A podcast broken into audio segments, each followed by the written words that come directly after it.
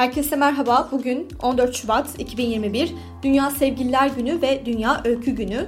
Tarihte bugün yaşanan olaylar arasında Sevgililer Günü'nün ortaya çıkışı, James Cook'un yerlilerce öldürülmesi, Türkiye Büyük Millet Meclisi'nde vurulan Veli Halit Paşa'nın ölmesi, 2. Demirel hükümetinin istifası, Ordinarius Profesör Doktor Süheyl Ünver'in vefatı, Refik Hariri suikasti ve daha pek çok önemli konumuz var. Hazırsanız başlayalım. Dünya tarihinde bugün yaşananlar 1779 İngiliz kaşif James Cook öldürüldü. James Cook Büyük Okyanus'taki keşifleriyle ünlüdür. Yeni Zelanda'nın iki parça olduğunu keşfetmiştir. İlk defa Antarktika'nın çevresini dolaşmıştır fakat buzullarla kaplı kara parçasını göremediği için buranın yeni bir kıta olduğunu anlayamamıştır. Hawaii adaları civarında yerlilerle çıkan bir tartışma sırasında 14 Şubat 1779'da öldürüldü. 1963 İngiltere'de Leeds General Infirmary Hastanesi'nde dünyada ilk kez insandan insana başarılı bir böbrek nakli yapıldı.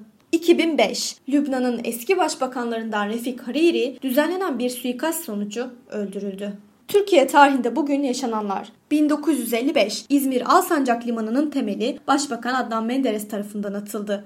1970 2. Demirel hükümeti istifa etti. Başbakan Süleyman Demirel hükümetinin hazırladığı bütçe Türkiye Büyük Millet Meclisi'nde reddedildi. Bunun üzerine Süleyman Demirel 14 Şubat 1970'te Cumhurbaşkanı Cevdet Sunay'a istifasını sundu. Sanat tarihinde bugün 1951 İdil Biret 10 yaşında Paris'teki ilk piyano resitalini verdi. Bugün doğanlar 1483 Babür İmparatorluğu'nun kurucusu ve ilk hükümdarı Babür Şah doğdu. 1946 Türk bürokrat ve siyasetçi Kemal Unakıtan dünyaya geldi.